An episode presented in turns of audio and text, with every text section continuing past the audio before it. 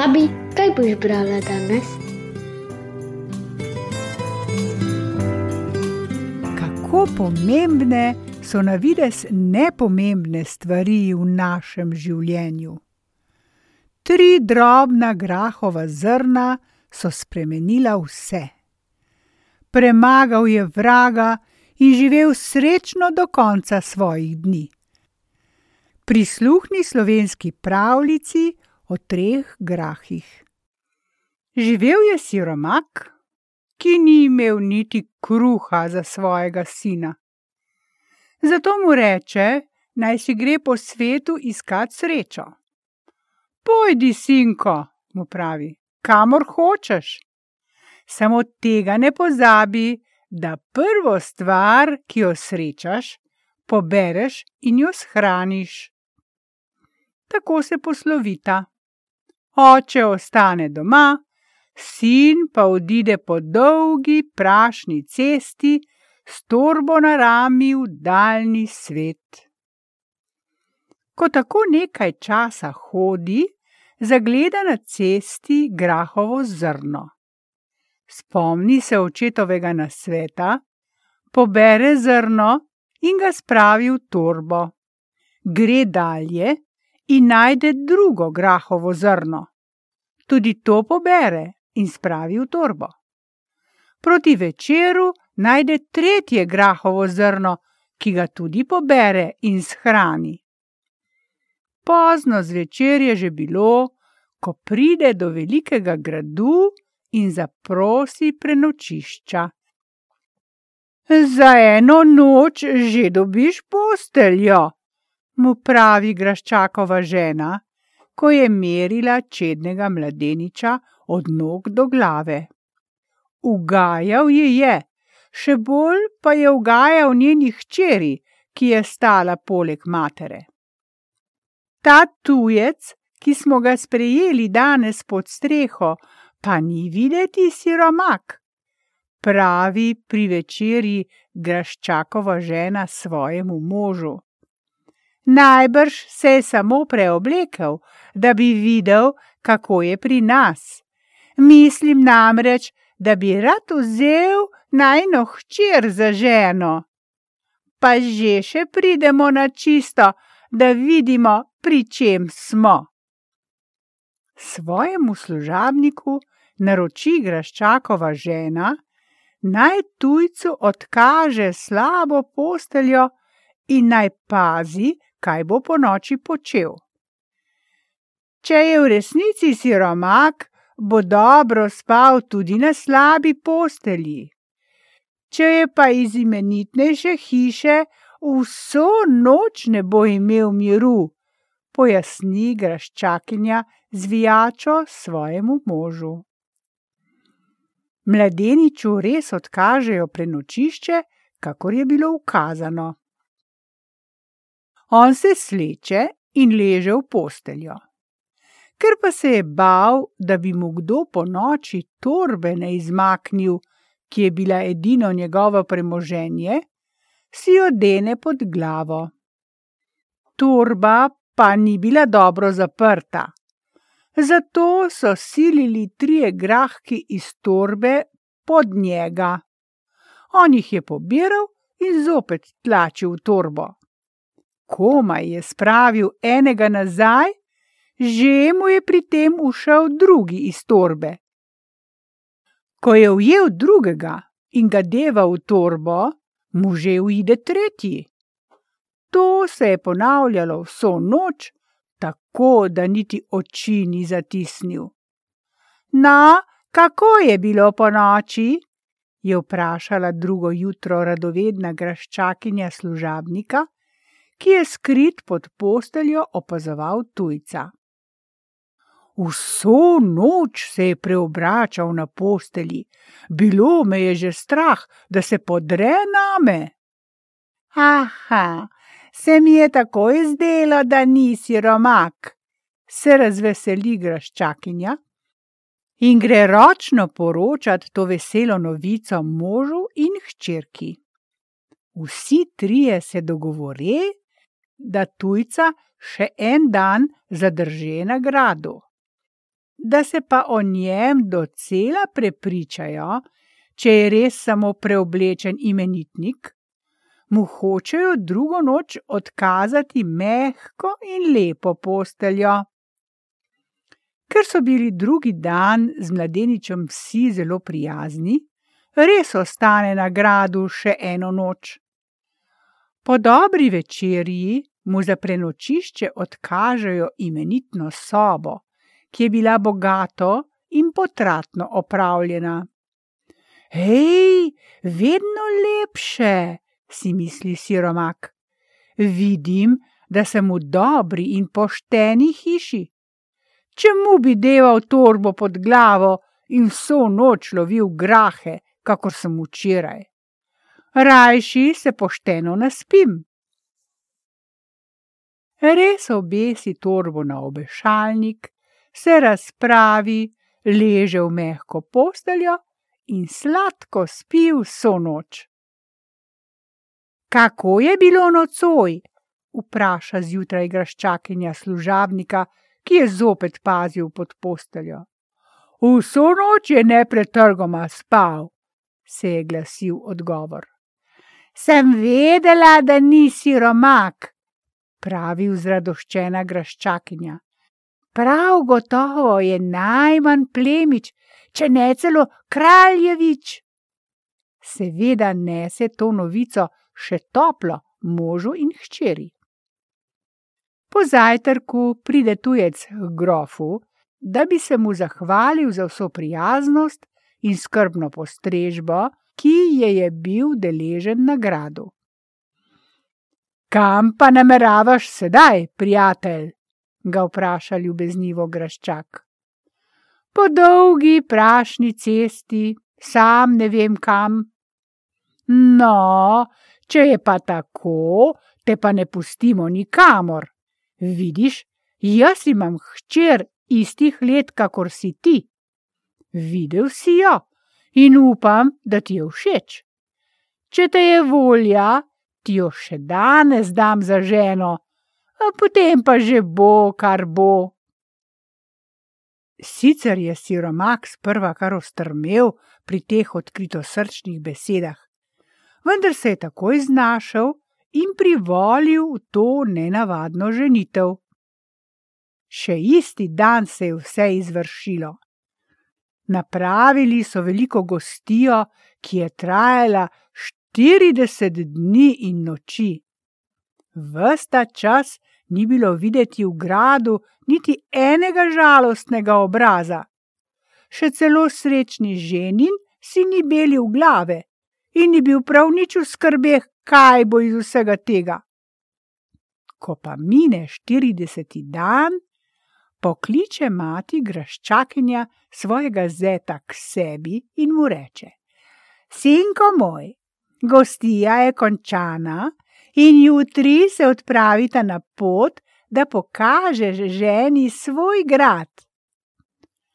Svoj grad, bi bil skoraj zakričal siromašni ženin, in toliko, da ni povedal po pravici in resnici, da ima namreč njegov oče doma samo raztrgano bajto, ne pa gradu. Vendar se je še zadnji hip premislil, in molče pritrdil, da odide ta drugi dan z nevesto na njegov grad. V tistem trenutku pa ga seveda mine vse veselje in globoka žalost in skrb sta se mu brali z obraza. Na obrazu ti vidim, da se težko ločiš od nas, pristavi dobrohotno graščakinja a potolaži se, ljubi moj zet, saj se k malu spet vidimo. Ostanita tam samo nekaj časa in potem se zopet vrnita k nam. Drugi dan nalože na velik voz tri vreče ovsa za konje, vrečo denarja, nan sedeta mladoporočenca in še dva strežnika. Tako se odpeljajo proti moževemu gradu. Mlada gospa je bila žalostna. še bolj žalosten pa je bil njen mož. Vsi so mislili, da sta potrta zaradi tega, ker sta se ravno kar ločila od doma. Mladega moža je ta žalost tako potrla, da ni zinil niti besedice in se je v resnici zasmilil svoji ženi, ker je mislila, da je tako mehkega srca. On pa je mislil vse čas samo na to, kako bo, kadar pridejo do očetove razdrte bajtice. To je bil tudi vzrok njegove velike žalosti. Proti večeru se pomika voz s potniki skozi velik gost.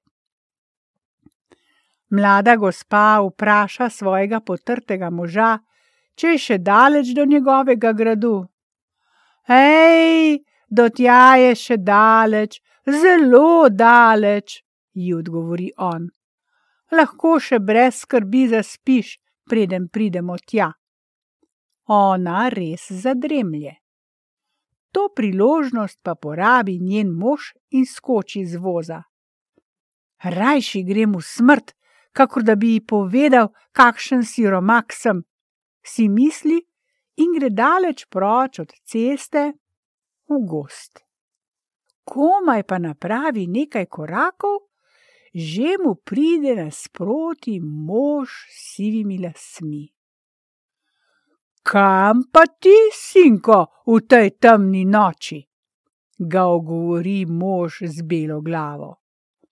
Bežim v smrt, odgovori beloglavcu in mu vse odkrito prizna, kako se je godila vsa ta čudna zgodba, ki bo imela še bolj čuden konec. Ej, čemu bi se žalostil, prijatelj, pravi beloglavec.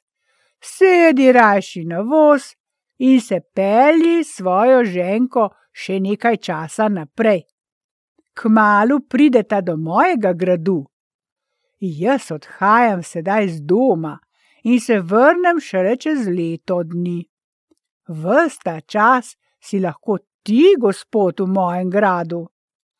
Ali enega nikar ne pozabi, ko se bom vračal, takrat se v zgrad močno strese. Vidva z ženo pa glejta, da takrat ne mudoma zbežita iz gradu, če se le malo zamudita, vam odbije zadnja ura.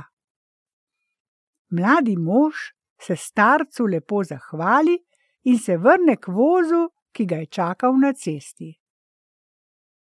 E, skoraj sem zgrešil in iskal sem pravo pot, je pomiril znemirjeno ženo, ki se je bila medtem prebudila in pogrešila svojega moža. Zdaj sem prepričan, da smo na pravi poti in nimamo več daleč do mojega doma. Čez nekaj časa res prispejo do velikega gradu, ki je bil vse razsvetljen. Pred vrati stoji cela vrsta lepo oblečenih slug, ki se priklanjajo in ponižno pozdravljajo prišlece kot svoje nove gospodarje. Joj, tvoj grad je pa lepši, kakor naš, se je začudila mlada gospa in bila na tihem zelo zadovoljna, da je poslušala svojo prebrisano mater in se poročila z navides siromašnim tujcem. Pa mine teden, mine mesec v veselem in zadovoljnem življenju na gradu, pride konec leta. Takrat se pa grad zavrti in strese tako močno, da se je hotelo vse porušiti. Šele tedaj se spomni graščak siromak, besed beloglavega starčka. Svojo ženo hoče zbežati, a žene ne najde nikjer. Teka iz ene sobane v drugo, iz kleti v shrambe, iz shrambe na podstrešje, od tam zopet v klet, a žene ne najde nikjer. Naposled najde v kleti na mesto žene staro grdo babo, ki ga je še grše gledala.